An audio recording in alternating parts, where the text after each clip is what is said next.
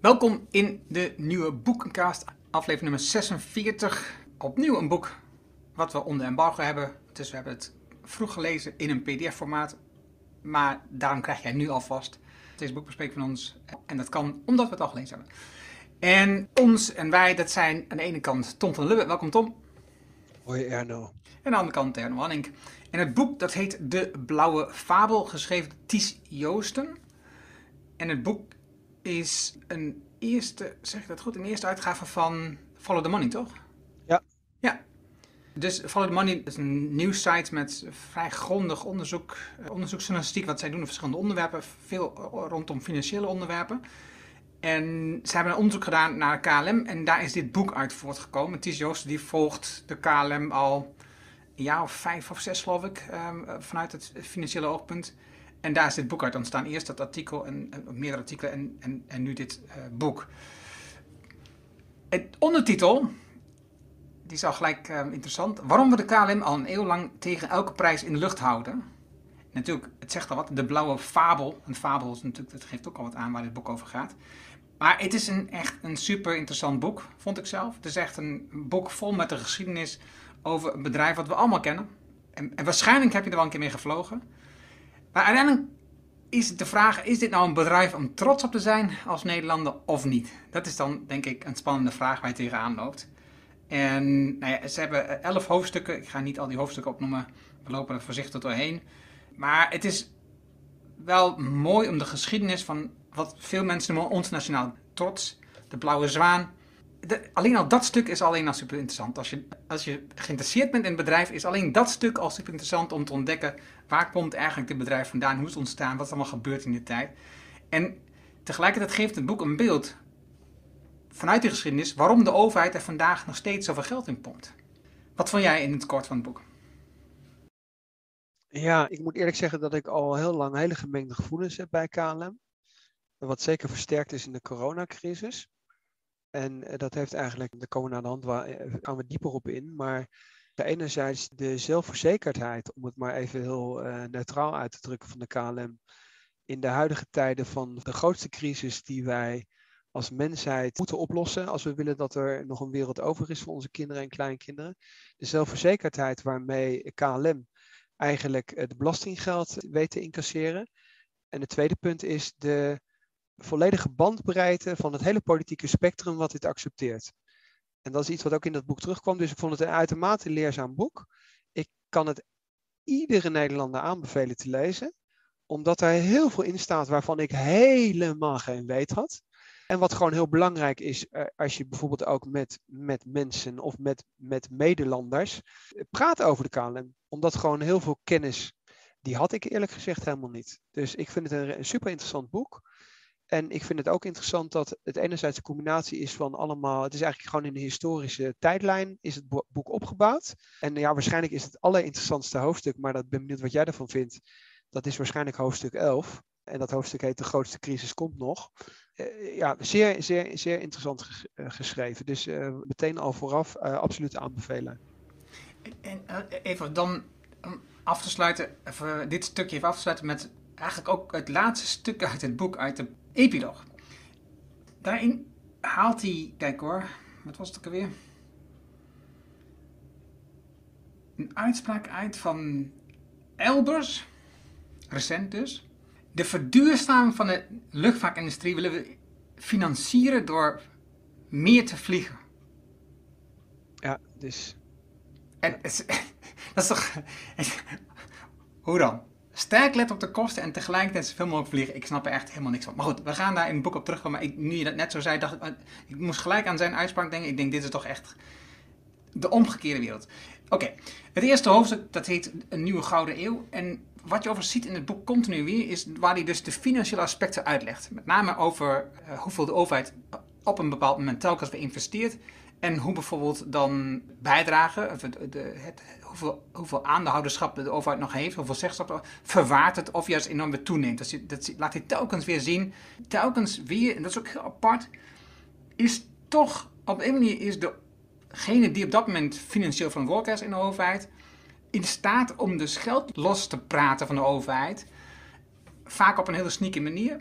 ja, eigenlijk lijkt het op alsof ook al wat de KLM ook doet, de overheid altijd inspringt. En dus stel dat je een belegger bent bij de KLM, het is een, een, een externe belegger, dan hoef je eigenlijk gewoon helemaal geen zorgen te maken voor het bedrijf. op het moment dat het dreigt failliet te gaan, springt de overheid in. Ja. Dus je kunt met een heel gerust hart beleggen in de KLM, no problem, want de belasting betalen, dat is de overheid. Uiteindelijk betaalt toch. Jeetje, en als je dan die slimme trucjes kijkt, slinks zou ik bijna zeggen, dan denk je echt, dat, hoe, hoe kan dit? Hoe kan dit? Maar goed, ik, zeg, ik had dit opgeschreven. Uiteindelijk ging ik mezelf steeds vaker de vraag stellen, moeten we nog wel dit bedrijf ondersteunen? Moeten we nog wel de koninklijke en die industrie ondersteunen? Maar goed, daar komt op het einde het hoofdstuk al op terug.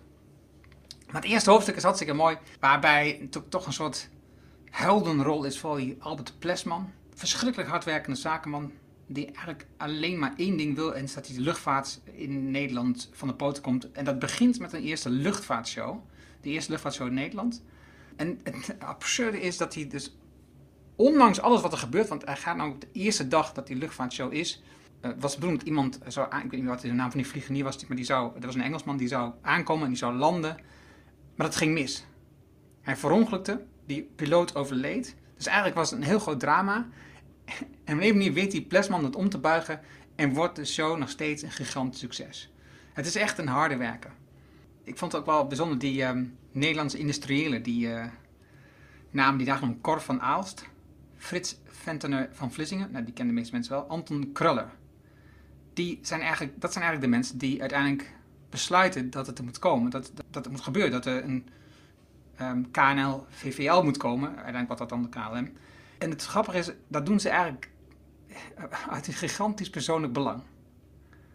Want zij hebben belangen in Nederlands-Indië, voormalig Nederlands-Indië. Ja, als daar een vliegtuig naartoe gaat, dan kunnen zij veel eerder bij hun plantages, bij hun slaven, bij hun arbeiders komen. Ja, dat is eigenlijk, dat is eigenlijk waarom het ontstaan is een beetje. Dus zo heb ik het maar gelezen. Wat, uh, wat heb jij over dit stukje wat je echt bijzonder vond? Ja, wat interessant is, is dat Plesman gewoon een, een, iemand van eenvoudige kom af was. Die ja, gewoon een hart voor de, voor de vliegerij had. En de kapitaalverstrekkers die zagen dat het een ambitieuze man was. En hij bereid was zijn hele hart en ziel daarin te stoppen. En hebben hem in principe ondersteund. En, het, en Plesman was iemand die, wist ik overigens ook niet. Ik bedoel, ik ben in Den Haag opgegroeid, dus ik ken dat. Ik ken hè, Plesman, de straat die naar hem heet en het oude KLM-gebouw. Dus ik, ik, ik, zat daar in de buurt op school, et cetera. Geen, geen benul van de man voor de rest. Maar ja, dat was eh, toch een beetje, hij is een van de grote helden. Hè? Anthony Fokker en zet ze er allemaal naast, Anton Philips en zo. Het is een van de grote helden. En ik wist er helemaal niks, niks van. En precies zoals jij beschrijft, er zijn dus rijke industriëlen die zien dat, dat je hem wel geld kunt geven. Wat overigens helemaal niet zo anders is dan tegenwoordig als het om private equity gaat. Waar ook iedereen zegt, ja, eerst het team, eerst de ondernemer en dan het idee. Dus je moet echt het vertrouwen hebben in die ondernemer. En dit is een heel klassiek voorbeeld van iemand die met een enorm elan en een enorme drive heel veel durft. En dan, ondanks het feit dat Nederland helemaal dat vliegtuig niet heeft uitgevonden, dus die vliegshow naar Nederland krijgt, dat allemaal van de grond krijgt en eigenlijk alles uitstekend weet te bespelen, van de pers, financierders, overheid, et cetera, et cetera. Dat wordt allemaal beschreven. Het is ook weer een beetje een soort jongensboek, uh, dat eerste gedeelte, uh, ja, waar je toch eigenlijk gewoon met een, met een mengeling van bewondering en verbazing uh, naar zit te kijken. En wat, wat eigenlijk ook gewoon lekker wegleest.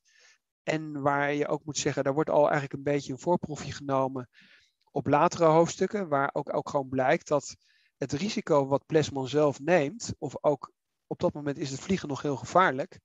Dat allerlei mensen in zijn omgeving, komen misschien dadelijk nog wel later even over te spreken, mensen ook gewoon overlijden. Omdat vliegen dus gewoon heel risicorijk is. En toch gaat hij maar gewoon door. Het is dat doel heiligt de middelen. Dat is een beetje voor mij de conclusie van dat eerste, van dat eerste gedeelte ook wel van Plesman. Ja, en ik, ik heb nog twee dingen. Ik, nu je dit zo zegt, ik moet denken aan die eerste vlucht die hij maakte. Want toen moest hij iets in Londen bespreken. En toen ging hij met een vliegtuig, was hij dus uh, een passagier of co-piloot, noemen wat, maar hij kon zelf niet vliegen. En, dat vliegtuig, dat, uh, dat haalde de eindstreep niet, dus dat landde in het water. Maar ja, Plesman die ging gewoon door uit het vliegtuig bootje en, naar Londen en toch, en toch de zaak voor elkaar krijgen. Fantastisch. Ehm, en een, later, een ander punt in het hoofdstuk is ook op. Want dat die, op dat moment is in 1919 is die Adriaan Keunig, die is de minister van Waterstaat. En hij geeft dus een subsidie van 25.000 gulden om de Nederlandse luchtvaart op te starten. En daar doet hij de uitspraak waar het hele boek eigenlijk over gaat. De regering zal nooit nalaten haar steun te verleden aan de Nederlandse luchtvaart. Eh, dit is het begin van de ondertitel van het boek. Het, een eeuw lang tegen elke prijs de KLM ondersteunen. Goed. Wat mij opviel in het tweede hoofdstuk was de drang van Plesman om telkens weer nieuwe vliegtuigen te kopen. Altijd moest er de nieuwste. Zijn, zijn, zijn passie voor dat, die vliegtuigen die was zo bijzonder. Niet alleen dat hij dat mooi vond, maar hij moest het ook echt hebben. De KLM moest die vliegtuigen kopen. Terwijl ze eigenlijk eh, hadden ze nooit geld. Ze hadden geen of nauwelijks winst. In de eerste jaren hadden ze nooit winst gemaakt.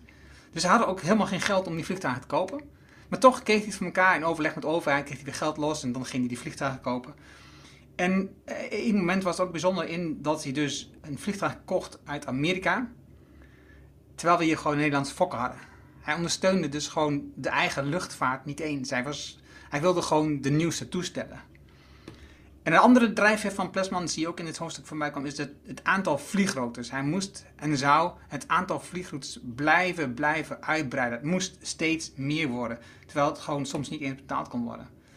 Dus ja, dit was wel bijzonder. En dan zie je ook in het hoofdstuk zie je ook een stuk over de Tweede Wereldoorlog, waarbij het, eh, nou het eerste hoofdstuk dan denk je, zegt ja, met verwondering en verbazing, maar dit hoofdstuk dan krijg je toch wel af en toe een beetje pijn als je die geschiedenis leest, hè, dat je dus, hij repareert Duitse vliegtuigen en krijgt ook gewoon betaald. Nou, niet hij, maar de KLM doet dat dan.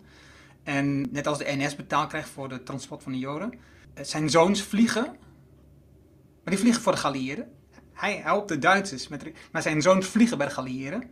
De ene zoon overlijdt in Calais. die wordt uit de lucht geschoten door Duitsers.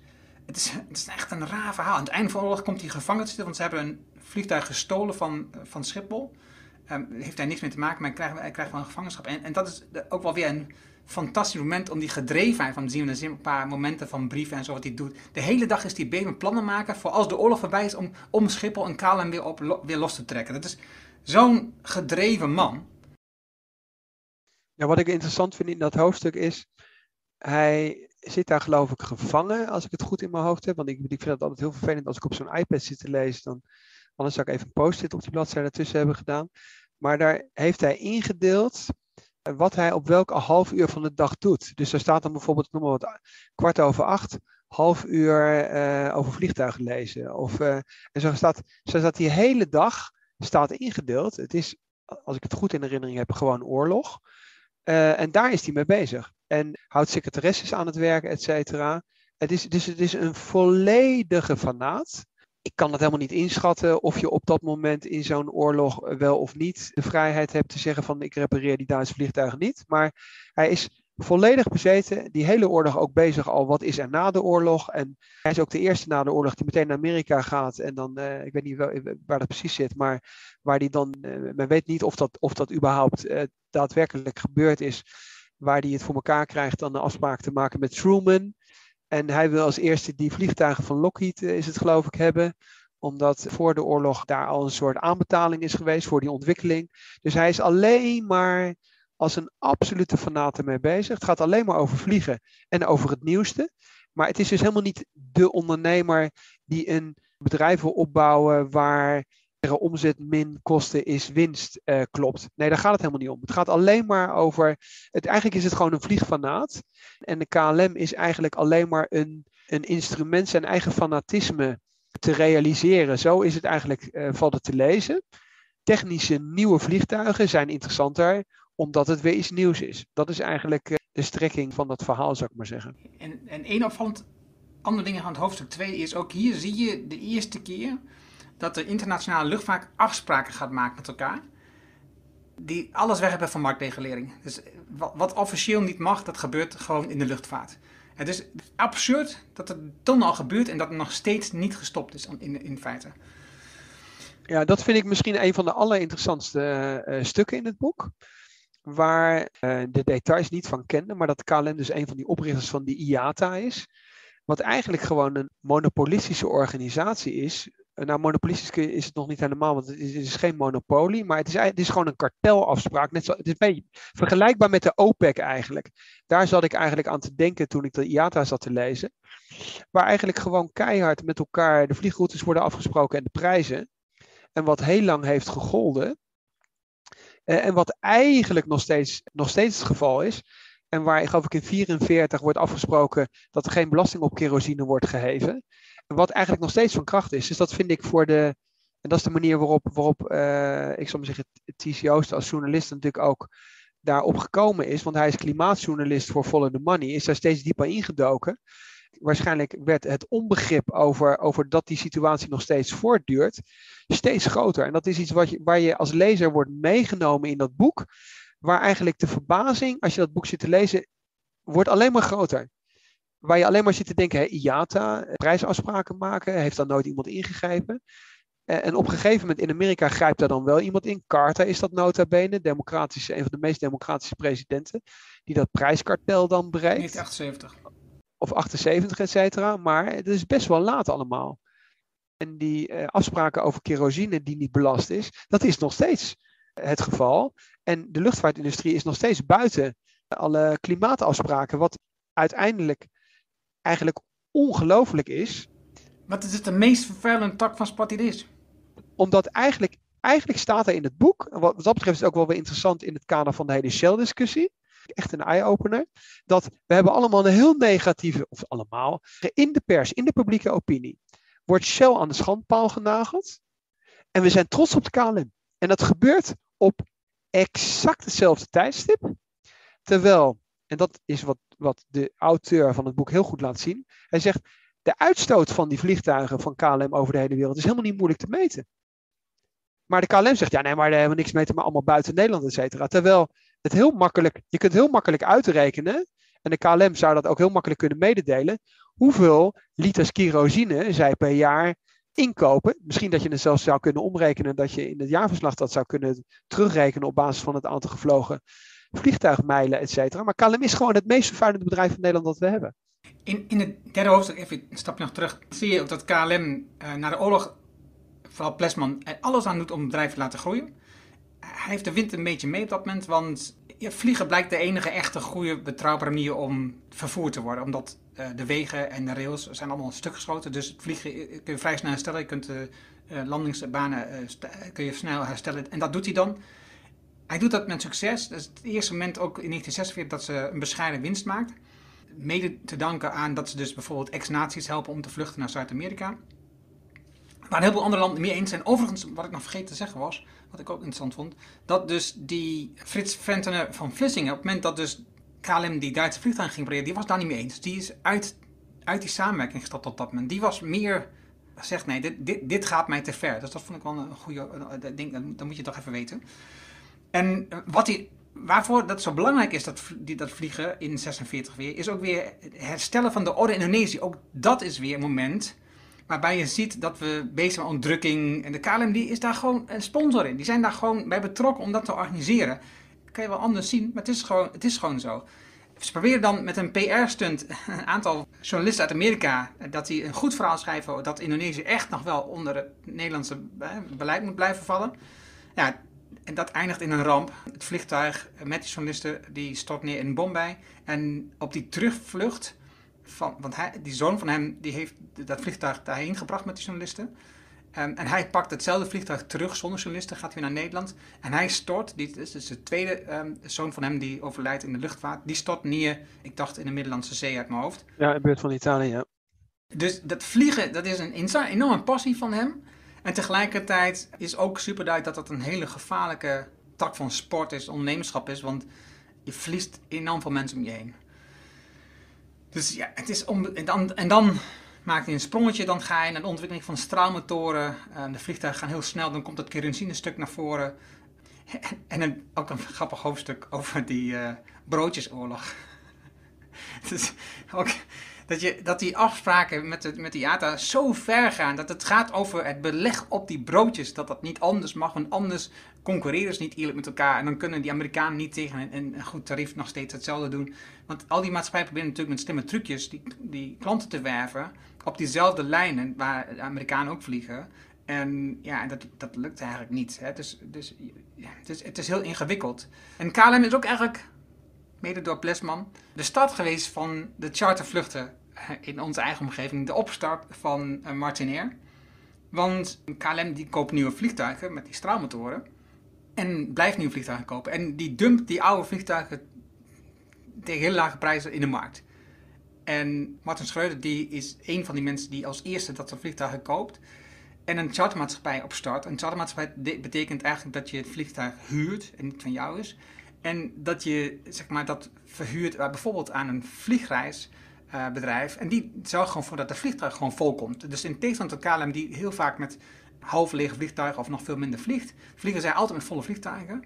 En dan tegen veel lagere tarieven. En dus die chartermaatschappijen zorgen voor een enorme kentering in het vliegen, de prijs van het vliegen. Dus de, de prijs gaat naar beneden en het vliegen wordt voor ja, eigenlijk iedereen interessant. En dat kun je waarschijnlijk, wij uit onze jeugd, ik ben 53, nog herinneren dat in die periode ergens tussen onze jeugd, toen we nog met de auto allemaal dan heel normaal was. En wat daarna zag je dat vliegen in één keer binnen bereik kwam. Ja, niet zoals nu, maar het kwam het echt binnen bereik dat je dacht, nou dan ga ik gewoon één keer in de vier jaar misschien met een vliegtuig. Dat kan, dan, dat kan ik wel organiseren. Nu kan je gewoon uh, elk weekend gaan, maar dat kost helemaal geen rol meer.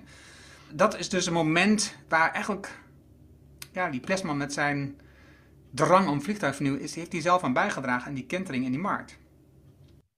Ja, wat misschien wel belangrijk is, omdat je even het over die broodjesoorlog hebt, misschien nog even, want dat was mij ook niet helemaal bewust waarom dat zo was. Dus omdat die prijzen afgesproken waren, kon er niet op, werd er niet op prijs geconcurreerd, maar werd er op allerlei andere service of extra's werd er uh, geconcurreerd. En dat is op zich wel interessant, want dat wist ik ook helemaal niet. Tegenwoordig hebben we natuurlijk allemaal hele beperkte beenruimte, maar dan wordt dus die fase in de jaren 50 en 60 beschreven, waar dus hele bars uh, in vliegtuigen gebouwd werden, met hout en heel veel drank en weet ik veel wat allemaal. Omdat dus degene die het beste de service aanbood, die kreeg de klant, want de prijs was min of meer, die was afgesproken onder elkaar. En die broodjesoorlog gaat eigenlijk erom dat de Europeanen heel goed waren in luxe broodjes en de Amerikanen niet. En de Amerikanen zeiden van ja, maar dat is niet eerlijk. We hebben de prijzen met elkaar afgesproken. En als jullie veel lekkerere broodjes maken dan wij, dan willen de mensen met jullie vliegen. Dat is in principe waar die broodjesoorlog over gaat. Alleen, ik kende dat helemaal niet, maar het is zeer amusant om dat te lezen. Omdat dan bij de IATA in Londen gaat het dus over die broodjes de hele tijd. Dus, maar ja, het, is, uh, het, is, het, het heeft enerzijds heeft het iets... Uh, heeft het iets ludieks. Op zich ook wel heel, heel, heel erg grappig om daar naar, naar te kijken. En, of om, dat te lezen. En in die fase van de luchtvaart was het alleen maar zakelijk. Hè? Dus je betaalde, ik zou zeggen, 2000, 2000 weet niet, gulden of dollar om naar Amerika te gaan, et cetera. En de fase die jij beschrijft van die charter luchtvaart, dat is dan democratisering van het vliegen. En dat doorbreken van dat monopolie, wat Carter dan in de Verenigde Staten doet, dat valt dan onder democratiseren, de chartermaatschappijen die niet een heel netwerk hoeven te onderhouden, maar alleen zeggen van ik vlieg alleen maar op bepaalde steden, uh, vakantiegebieden, et cetera. En, maar ik hoef niet uh, over de hele wereld allerlei lijnen te onderhouden. Zo, zo zijn in principe die, die hoofdstukken dan, dan ingedeeld. Maar op zich is het wel leuk, omdat het eigenlijk allemaal dingen zijn die we als burger enerzijds wel gedeeltelijk hebben meegemaakt, maar dan toch niet die achtergronden kennen. Ja, ja, en het grappige is, die, die deregulering in Amerika, dat is ook eigenlijk het moment waar KLM een gigantische sprong maakt. Omdat eh, in die afspraken die er waren, konden dus die maatschappijen niet bijvoorbeeld vliegen in, in Europa. Dus als je een, een Amerikaanse maatschappij die een lange vlucht naar hier maakt, zou van Amsterdam naar Frankfurt kunnen gaan vliegen op dat moment bijvoorbeeld. Nou, dat, uh, dat, dat kon niet.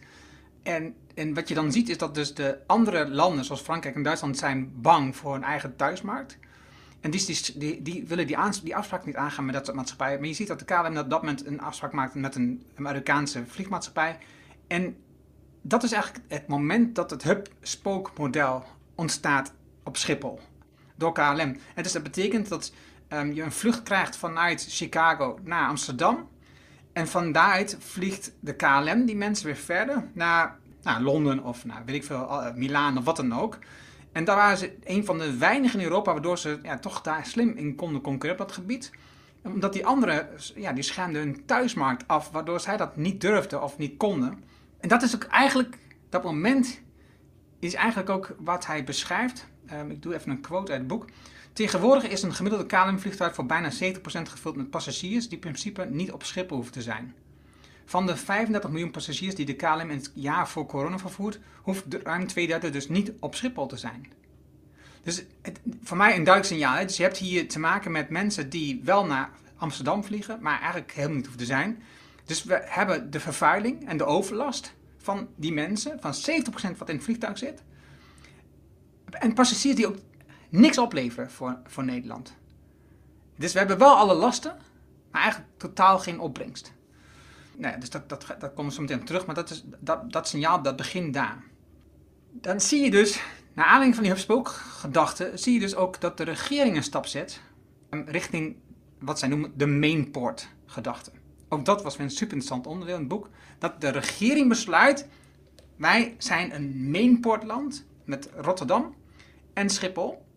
Uh, dat zijn de mainports voor Europa, waarin uh, goederen en mensen binnenkomen.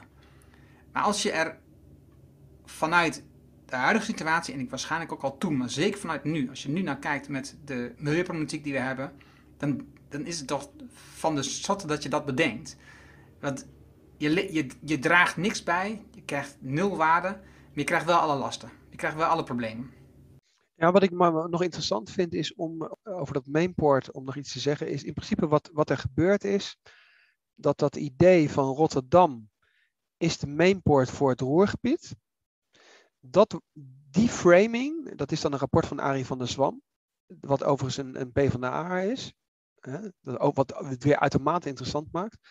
Dat model wordt eigenlijk één op één overgedragen. En er wordt gezegd van nou, wat Rotterdam betekent voor de logistiek en het roergebied, heeft Schiphol heeft exact dezelfde functie. En dat, dat staat er dan. En wat, wat doet TCO als journalist heel goed? Die ontleedt dat en zegt, dat klopt helemaal niet. Dat klopt gewoon helemaal niet. Dus die framing van Rotterdam te gebruiken voor Schiphol, dat is weliswaar aardig, maar het is inhoudelijk is het, klopt het niet. En even los van de hele milieuproblematiek, is de vraag uiteindelijk, wat levert dat voor toegevoegde waarde op? Dan is er één rapport wat tientallen jaren geciteerd wordt, wat hij ook uitgraaft. En waar, dan gaat het namelijk over het aantal banen wat Schiphol zou opleveren, meer dan 300.000. En dat pluist hij uit, dat rapport, en zegt van nou, dat is een of andere lobbyorganisatie van die vliegbranche, zou ik maar zeggen. En dan wordt de kapper en de bakker, waar de piloot ook zijn broodje koopt, er ook nog bij opgeteld. Et cetera, de hoeren op de wallen, et cetera, wordt ook allemaal nog bij opgeteld. Dus het interessante is dat economische politiek bedreven wordt op fundamenteel eigenlijk onjuiste data, zoals de auteur van dit boek, vind ik toch best wel geloofwaardig, eigenlijk ontleed. Wat ik best wel uh, shocking vind, als je eigenlijk toch moet zeggen, het gaat om belastinggeld, wat van alle Nederlanders geïnvesteerd wordt en wat je dan of kunt investeren in onderzoek. Er wordt bijvoorbeeld dan nog Eindhoven genoemd als, als een positief voorbeeld van waar je in fundamenteel onderzoek heel veel kunt investeren. En Eindhoven is inmiddels de groeiregio met hele goede, interessante bedrijven. En de auteur gewoon laat zien, ja, dat, dat, dat klopt dus eigenlijk helemaal niet. En waarom vindt hier eigenlijk geen discussie over plaats wat er met belastingcenten gebeurt en wat belastingcenten als investering naar de hand opleveren of juist niet opleveren. Ja, ja het, en dat grappige, want het getal van 300.000, dat, dat, is, dat, dat zingt al heel lang rond. En dus in die begin, toen uh, die coronagelden werden uitgekeerd, op de tv, de CEO van KLM, die quote dat gewoon. En als ik het goed heb, ik weet het getal niet precies, maar voor mij was het 60.000. Eh, als je echt gewoon oprekent op banen, is het, zijn het 60.000 banen. Dat is toch een heel ander getal dan 300.000. Dan zijn ze echt niet meer de grootste werkgever van Nederland. Um, en krijg je ook een ander gevoel bij, vind ik als burger. Maar ik vind, ja, je verwoordt het goed. Ik ben het helemaal met je eens. Dan ontstaat langzaamaan uh, zoektocht naar een partner in Europa. Omdat, nou ja, KLM zich wel realiseert dat alleen, we zijn gewoon te klein. We hebben gewoon een te klein land. Uh, we hebben gewoon hoge concurrentie vanuit bijvoorbeeld Londen, vanuit Duitsland, vanuit Frankrijk. Uh, dus dat soort hubs die, die, die Schiphol is, dat is Londen ook. Dat is Parijs ook en dat is Frankfurt ook. Het is onmogelijk dat dit soort hubs allemaal in Europa blijven staan. Dus de KLM zoekt een samenwerking met uiteindelijk Frans Air. Ze hebben veel Air France Ze hebben veel verschillende onderzocht. Ehm, ook, ook in die gesprekken, wat je daar leest in het boek, is, er gebeuren absurde dingen gewoon. Maar goed, we gaan het gesprek aan met Air France en uiteindelijk gaat er ook een huwelijk plaatsvinden. De voorwaarden zijn heel vreemd. Ehm, de KLM heeft nog steeds een gevoel, wat jij aan het begin netjes beschreef, alsof ze heel belangrijk zijn. Ik zou zeggen arrogant, zou je kunnen zeggen. Want ze, ze vinden zichzelf belangrijker dan Air France. Terwijl Air France is twee keer zo groot dan de KLM. Waar haal je dat gevoel vandaan? Ik snap, je snapt het gewoon echt niet. Nou ja, je leest over de cultuurverschillen, ook een vreemde stap van de overheid. Op een bepaald moment dat ze weer geld inpompen, waardoor de KLM wel plotseling meer waard wordt, of in ieder geval gelijkwaardig wordt aan, aan, Air France, terwijl volgens de afspraak niet mocht. Het is heel absurd. Wat ik interessant vind aan het boek, wat ik overigens ook niet wist als het over dat hoofdstuk gaat, wat dan heet De Franse Liefde, dat daar, eh, wat doet, uh, vind ik de journalist heel goed. Hij citeert bijvoorbeeld de oud-directeur van de KLM over die Franse samenwerking. Uh, dus, dus, niet zo, dus niet van, oké, je hebt de Franse positie, je hebt de Nederlandse positie. Nee, als je dat hoofdstuk, en ik heb geen verstand van die Frans-Nederlandse samenwerking bij de KLM. Als je dat leest, wordt best wel, vind ik, plausibel goed onderbouwd.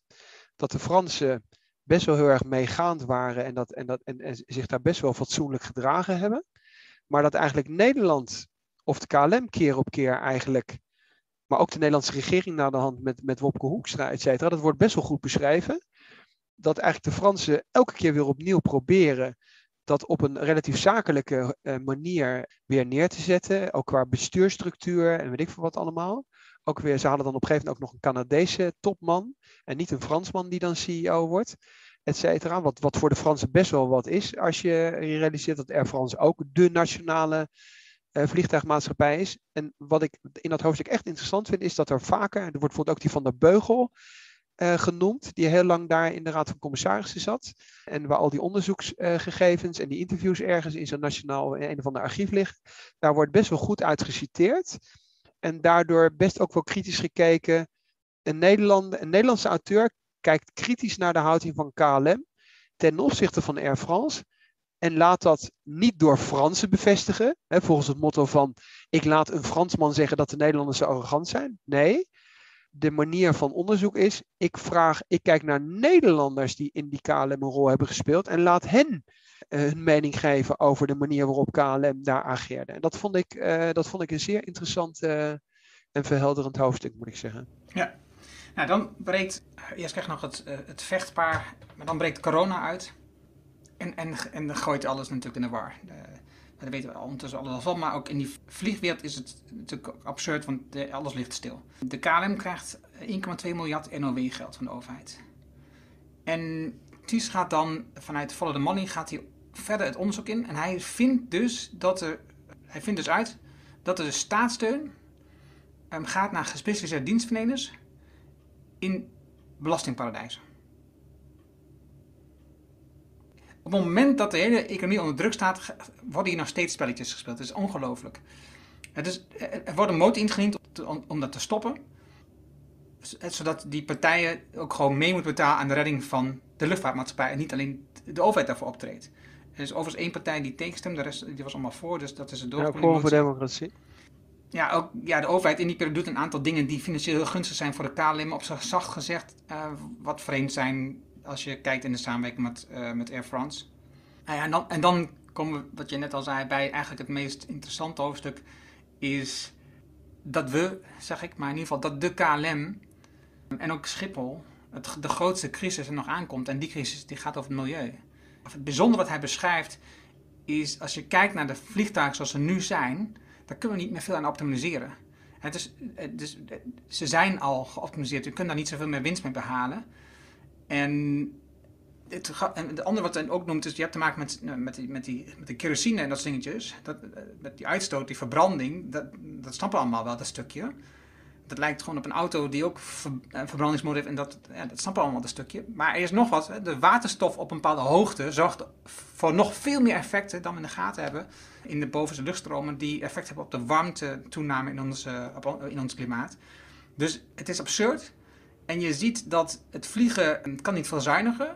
Maar ook omdat we dus zo weinig winst hebben, omdat het altijd al zo'n concurrerende omgeving is geweest, zijn ze ook eigenlijk die maatschappij niet in staat om te investeren in nieuwe ontwikkelingen. We hebben helemaal geen ruimte om te investeren in die bedrijven. Daar moet de overheid dan ingrijpen, wat voorlopig waarschijnlijk niet gaat gebeuren. En ik komt in dat hoofdstuk en ook in, die, in het laatste hoofdstuk met een aantal suggesties wat ze zouden kunnen doen. Dus misschien kun jij een paar van die suggesties nog noemen. Hoe bedoel je dat? Met welke... Nou, wat, wat we zouden kunnen doen als verandering, uh, de houding naar de KLM toe. Ja, ik heb dat, ik heb dat even niet, niet paraat. Ik weet wel dat hij allerlei dingen opsomt. Hmm. Wat ik interessant vind in dat hoofdstuk uh, is van de grootste crisis komt nog. Is, en dat heb ik, heb ik er even bij, uh, bijgepakt. Uh, wat, wat ik het meest frapperende vind, en ik denk dat dat ook de reden is dat, dat de journalist uiteindelijk dan dat boek heeft geschreven, is dat, dat die hele klimaatdiscussie zowel door de KLM, maar ook door de politiek volledig genegeerd wordt als het om de KLM gaat. Die journalist stond dat dan wel op wat je allemaal zou moeten doen.